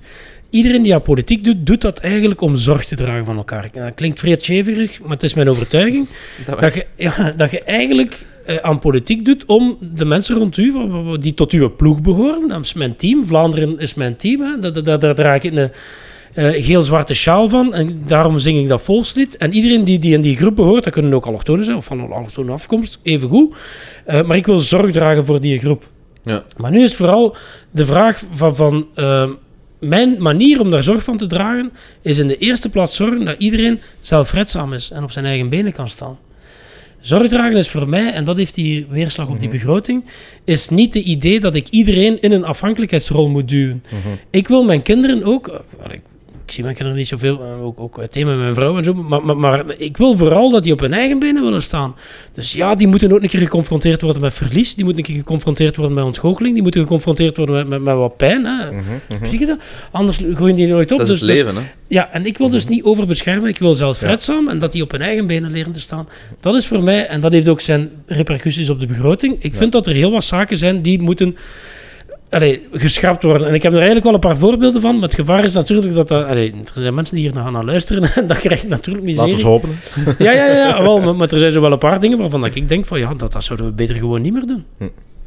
Ja. Maar je zegt eigenlijk, ik. we zijn misschien soms iets te bepamperend. Ja, Ja. Ja, op sommige... Nu, dat voor alle duidelijkheid, zeker, je moet wel altijd zorgen dat die die het niet kunnen, echt, want er zijn mensen die voor Mhm. zichzelf geen zorg kunnen dragen. Maar het is een reden waarom dat, dat er is, inderdaad. Maar het is iets te groot en overdreven aan het worden. Ja, en, en dat volg ik wel. waar trekt je precies die grens? Ja, ah, wel, het is een moeilijke, hè? Ik ben bijvoorbeeld heel hard voorstander van sociale economie, beschutte en beschermde Mhm. werkplaatsen en dergelijke meer. Daar ben ik absoluut voorstander Mhm. van. Ik vind dat schitterend dat die Lijkt me mensen... wel. Ja, Ik denk maar- niet dat er ooit problemen ook... nee, nee, nee, dat iemand ooit heeft discussie. Omgekruid. Ah, Nee, inderdaad. maar, maar dat vind ik fantastisch. Maar dat is, dat is eigenlijk het mooiste voorbeeld waarbij dat je mensen die moeilijk hebben en die in een normale job niet juist omkadering zouden krijgen om, om, om, om productief te zijn. Ja. Maar we gaan vanuit de overheid, zetten we daar een systeem op om dat wel te doen. Wat dat vind ik juist. En daardoor, die mensen hebben ook meerwaarde, want die, die voelen zich dikwijls... Zingeving. Zijn, ja, trots, ja, inderdaad, zingeving. Dat is ongelooflijk belangrijk voor die mensen. Maar dat vind ik top. Maar als je dan kijkt natuurlijk naar, naar, naar andere systemen waarbij dat we mensen dikwijls in een, een afhankelijkheidsrol laten, waarbij dat er te weinig gezegd... Allee, ik kan daar voorbeelden van geven, maar dat is altijd een beetje... moeten er eentje doen. Je hebt het al twee keer... Hallo. Eentje. Ik heb dus jaren geleden ondertussen. Dan krijg ik op een bepaald moment een telefoon van... Ja, ja, ik ben van het OCMW gesmeten, want ik ben, ze hebben, Nervia heeft gezegd dat ik niet werkbereid ben of zoiets. eh, en dergelijke meer. En ehm, allee, ik dacht van ja, ik ga luisteren. Ik zat op dat moment in de oppositie. Je weet nooit of daar iets kunt mee doen. Hè, maar... En wel- weer in die branding en de marketing. Ja. ik was op dat moment jong parlementslid. ehm, allee, mijn toenmalige vrouw. ehm we hadden samen vier kinderen. En twee, twee, want zij had al Hm. twee kinderen en dan twee samen. Maar wij hadden speciaal naar een school gekozen die om half zeven 's morgens opvang heeft en tot half zeven s'avonds. En waarom is dat? Ik deed de kinderen 's morgens naar school, omdat mijn vrouw al weg was tegen zes uur, half zeven was zij al gaan werken. En zij was op tijd thuis tegen zes, Ja. zeven uur om ze te gaan afhalen. Ik kwam thuis maar toe tussen tien en half. Ja. En nu zei die vrouw tegen mij van ja, ik heb eh, een kindje van acht en dat kan toch niet zijn dat hij in de opvang moet blijven of zo. En dat was de reden waarom dat ze niet kon gaan werken. Ah, Ja. Maar daar heb ik een probleem mee. En dat heb ik haar vlak af gezegd ook van, van allee, hoe durfde? Dat kan toch niet waar zijn? Ja. en die, blijkbaar had hij acht jaar werkloos geweest. Of Nee, zes jaar, sorry, zes jaar. Want omwille van die reden. Omwille van die... En Ja. uiteindelijk hebben ze die bij, bij, bij de RVA ervan gehoord, want die was Terwijl dat de opvang wel hè, Gewoon gratis ter beschikking En stond. dat, Of- dat zal nagenoeg gratis geweest zijn. Dat is... eh, ja. Dat Dat zijn zaken die ik ja. niet kan hebben. Dan, dan vind ik dat, dat, dat, dat... Moet een overheid zeggen van... Mhm. Sorry dame, maar jij gaat gaan werken. Mhm. De ironie is dat die la- jaren later, eh, tijdens corona, stond ik aan te schuiven aan de Aldi. En dan eh, stond zij de, de handvaten zo te ontsmetten. Mhm. En we stonden daar met een lange rij. En Ja, die, die dame opnieuw in kwestie. en je en- herkende die toen. zij herkende mij. Ah, hoe lang zat het ertussen? De... Toch een jaar of vier, vijf. Oké, En dan is ze mij Ja. daar eh, aan plein publiek beginnen uitschelden van... van, van eh, en jij zeggen dat ik niet ging gaan werken en niet wou gaan werken. Ik sta hier nu toch aan. En, en, eh, ik zeg, ja, dat is heel goed, madame. Ondertussen had ik natuurlijk niet direct door dat zij dat was. Dat was jaren geleden. Ja, dat is, En, maar die was dus binnen, heel ja. kwaad. Maar ondertussen was ze toch aan, werk, dus, aan het werken, dus Ja. dat, dat was wel goed. Maar ik wil maar zeggen dat dat dingen zijn... Ja, Ja. Dat moet je als overheid gewoon durven doen. Ja. Dat moet je dat zeggen. Het spijt me, want het is belangrijk voor vooral de rest ook. Mhm. Ja, ik, ik denk dat dat oké is als, als ehm, mensen elkaar willen helpen vanuit menselijk en individueel perspectief of vanuit een, een bepaalde groepscohesie. Maar again, wat is de taak van de Mhm. overheid daarin? Ja, juist. En Dus- dan moet een overheid ook, ook pushy zijn. Moet, moet die, die mensen ook... Allee, als je niet kunt bijdragen, dan heb ik er geen enkel probleem mee dat je dat niet doet. En dan gaan wij u helpen. Wij vangen u op. Hè. Mensen met, met, met bepaalde problematieken, met veel plezier. Daar wil ik echt mijn best voor doen. Maar mensen die wel kunnen, dan verwacht ik ook dat je bijdraagt. Ja. Het zijn rechten en plichten in een samenleving. Ja, dat betekent dat je recht dus hebt ook- op ons hulp als je die nodig Mensen hebt. vergeten Maar de plichten. plichten om... Ja, We zijn enkel nog bezig met Ja. rechten. Ik heb Eh, dat vorige ja, week ook... ja. Ja, we zijn de Ja. eerste om te zeggen, ah, daar heb ik toch recht op. Maar zelden Oh, zeggen we, dat is nu eens mijn plicht. Nu is Ja. even goed gephrased, inderdaad. Ja. Ik, ik heb vorige week in dat jongerendebat ook stemrecht op 16. Dus, Oh, eh, nee, Nee, nee, nee, maak het alsjeblieft ouder. Ah, maar- Als ik, nee, nee, maar als ik nu kijk hoe dat mijn mindset was op, op mijn 18, sorry, maar ik zou mij niet laten Je stemmen. bent veel te vetbaar voor simplified Vandaag de dag weet ik ook Ja. zelfs nog niet of dat ik capabel ben om Nee. te stemmen. Ja, ik ben er van mijn Nee, eigen ook dus- nog altijd niet Ik zeker. ben, Dus ik ben zeker Voilà, nee. dus- en Maar het ding is, ik heb en, ook en dat ligt nu op van- tafel, of wat? Ja, wel, maar zij vragen. Ja, ja, Het ja. Europarlement vraagt Ja, het ja. altijd al, al een Er lange zullen altijd uitzonderingen zijn bij de W van Ja, 16, hè, en die trouwens, super in die capabel zijn. stemming Ja, was, ja. was het ook niet zo overduidelijk dat de, die jongeren daar zelf vragende partij voor waren. Ik weet nu Mhm. niet meer wat dat... Ik denk dat het wel gepasseerd is, dat de meerderheid had, maar het zal niet, niet heel veel geweest Ja, maar er zullen altijd mensen zijn die Ja. iets kunnen en niet kunnen. Maar ik heb gezegd van voor mij part goed, maar dat betekent wel dat je vanaf 16 ook zelf belasting moet beginnen betalen. Dat je burgerrechtelijk en strafrechtelijk Ja. aansprakelijk bent en niet meer uw ouders. Want dat is natuurlijk deel uitmaken van een samenleving. Dan heb je het recht om te beslissen wie onze samenleving aanstuurt en dus stemrecht. Mhm. Maar je moet, hebt ook de plicht om bij te dragen aan die samenleving. Mhm. En ik denk dat dat voor de jongeren al direct iets anders was. Ja. Zeker die burgerrechtelijke aansprakelijkheid bleek, bleek een groot probleem. Nu ben ik Donder even aan dagen het in denken. vooruitzicht. Hè. Is het eigenlijk een goed gegeven? Allee, waarom is er eigenlijk stemplicht? Ah, maar daar ben ik absoluut... Dat is een van de punten waarop dat ik verschil van mijn partij. Ja. Mijn partij heeft het programma staan dat wij voor stemrecht zijn. Dus dat betekent het afschaffen van de opkomstplicht. En dat je moet gaan stemmen. Ik ben voor stemplicht. Oké. Ik vind dat je in, in een samenleving... We zijn geen optelsom van individuen naast elkaar. We zijn verbonden met elkaar op een Mhm. of andere manier. We moeten een ploeg vormen. En hoe sterker je ploeg, hoe beter voor iedereen in die ploeg trouwens. Hè. Dus Mhm. die identiteit, semi, maar... identiteitsbeleving, ja, spreek mij gerust tegen, maar dat is mijn overtuiging. Dan is dat belangrijk. Maar dat betekent ook dat iedereen op een of andere manier een verantwoordelijkheid draagt in die ploeg. En gaan stemmen is het minimum aan verantwoordelijkheid. Is het absoluut om de zoveel jaar niet uit je bed komen om aan te duiden van wie neemt hier nu de leidende rol op in onze ploeg. Hè? Wie gaat er onze coach zijn? Vanuit het perspectief van, denk er eens zo... Laat het zeker Ja, eens hoofd En zit spelen. verdorie niet aan Ja. de toog een hele avond te klagen en te zagen over die domme dwaze politiekers die veel te betalen Ja, zijn. te betalen zijn. Als je zelf niet eens de goesting hebt op een keer een zondag per twee jaar Ja, of drie jaar ja. uit je bed te komen om een bolletje te gaan kleuren. Maar ik denk, het bolken kleuren, op zich, daar zit waarschijnlijk eh, ook niet uw tegenargument. Maar ik denk, het probleem zit hem er net van mensen die inderdaad ehm, aan het café zitten of aan een toog dan. en ja, dat kan overal zijn. Hè? Nee, nee, nee, maar, het, nee, nee, maar ik bedoel om het een ludieke voorbeeld te nemen, ergo u niet echt specifiek in te lezen in welke thematieken dat er gaande Ja, zijn. En dan zit je te weer in dat branding en dingen aspect. Bijvoorbeeld, eh, wij zijn ook moeten gaan stemmen. Als ik bijvoorbeeld moet gaan stemmen...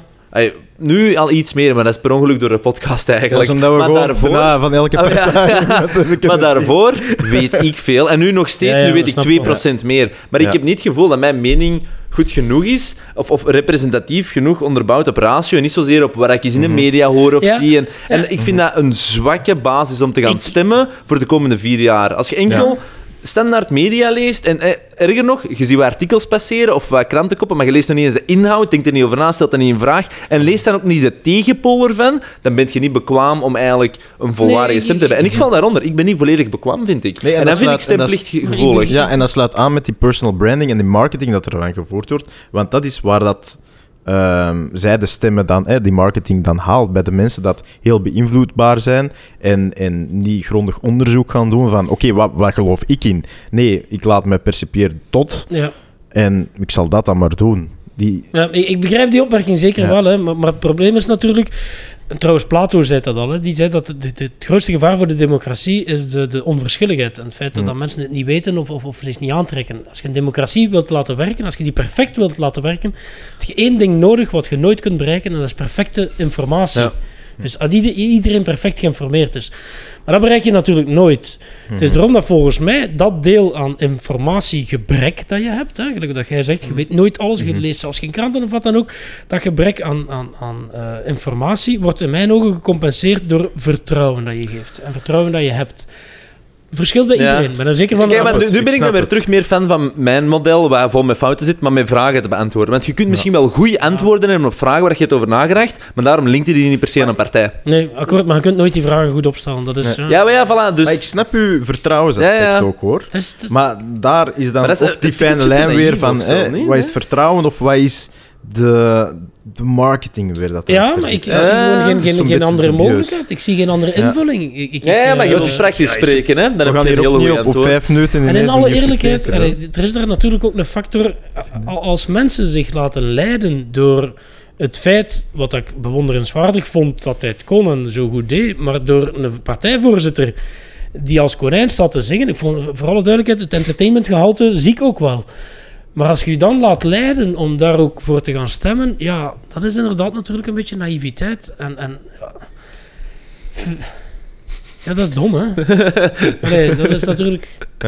Ja, ja, ik weet niet. Ik, ik wil eigenlijk... eh, Maar dat is dat vertrouwen, hè, voor alle duidelijkheid. Mensen, ja, maar ik, Ja. ik snap u wel. En pas Maar op, moet je vertrouwen opbouwen met zo'n zulke zaken? Ja, maar pas op, Ja, dat is niet dat enkel hè, over Connor dat we het nu hebben. Dat over elke persoon in elke partij. Ja, ja, Iedereen juist, juist. doet of doet handelingen of acties om met hetzelfde resultaat te bekomen. Hè? Trouwens, Maar- we, we hebben met het zelfs nog, het we hebben doel, het nog niet gehad over de media die daartussen zitten. Ja, ja, maar daar hebben wij een Ja, mening maar- over. Ja, ja, dat is, ja. dat is een, Ja, debat ja, op zich. Sessie 2. Eh, maar daar gaan we waarschijnlijk eh, wat, wat dichter op elkaar uh, kampen. Maar ik moet wel zeggen, ik ben wel heel hard fan van uw vertrouwensgegeven. Ehm, ik denk niet dat het praktisch zo helemaal tot uiting komt, maar ik ben zeker wel fan, omdat in theorie zijn er echt wel prachtige figuren van integriteit en dingen en mensen die echt dingen vastnemen en doen. Het probleem is alleen, we zitten in een soort van schermmaatschappij waarin er een bepaald imago wordt geprojecteerd en er eigenlijk wordt ingespeeld op bepaalde thematieken, in plaats van die persoonlijkheid echt te dragen en dat uit te stralen. Ja, en ja. dat is de moeilijkheid dan weer met dat vertrouwensaspect. Ja. Je weet nooit Exact. 100% wie dat je voor je hebt, omdat er een heel façade is om te spelen, omdat je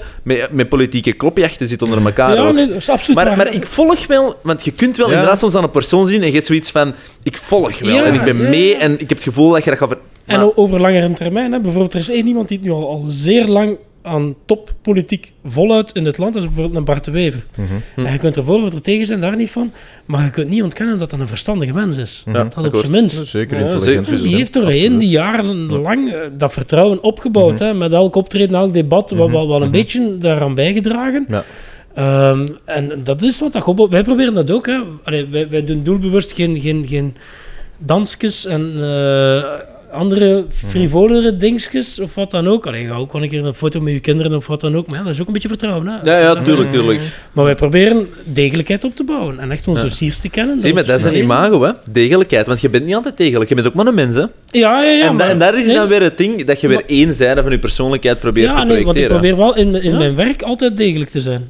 Oh, maar ja. Effectief altijd. Ik ben, ben natuurlijk ook maar een mens, maar ik probeer in mijn werk met, met, met, met, allee, professioneel te zijn. Oké, maar stel nu dat je dan een fout maakt. Dat kan ook, ja. eh, per ongeluk niet je idee van je eigen dege- ehm, ja, degelijkheid, dat er dan voor zorgen dat je dat net wilt rechttrekken achter de schermen voordat je ervoor zou uitkomen? Snap je wat ik bedoel? Nee, ik moet eerlijk zeggen, allee, ik, ik, hangt er natuurlijk een beetje van af, hè, want, want je hebt fouten en fouten. Als je Mhm. effectief een fout maakt, niet, doel, niet kwaad bewust of wat dan ook, hè, gewoon er een foutje, dat heb ik al gehad, heb ik daar geen enkel Mhm. Wie probleem niet? mee om dat recht te zetten. Natuurlijk, als je iets fout doet om iets te verbergen of wat dan ook, ja, dat is iets helemaal anders. En, maar dat, dat, dat zijn het beter dat je dat van de eerste keer niet doet. Nee, absoluut. Ja. Maar ik moet eigenlijk eh, misschien even iets anders, maar mijn excuus aanbieden. Want op de een of andere manier gingen we het veel over begroting hebben, over financiën. en we hebben ons eh, een beetje, denk ik, laten leiden door de Ja. sfeer, wat plezant is. Hè? Maar ik vond... Maar ik ja, hoop dat vond we u ook een beetje eer hebben kunnen aandoen met uw ja, tijd. ja, ja, geen probleem, geen probleem. Eh nee, het is voor mij ook wel leuk om daar een keer over na te denken.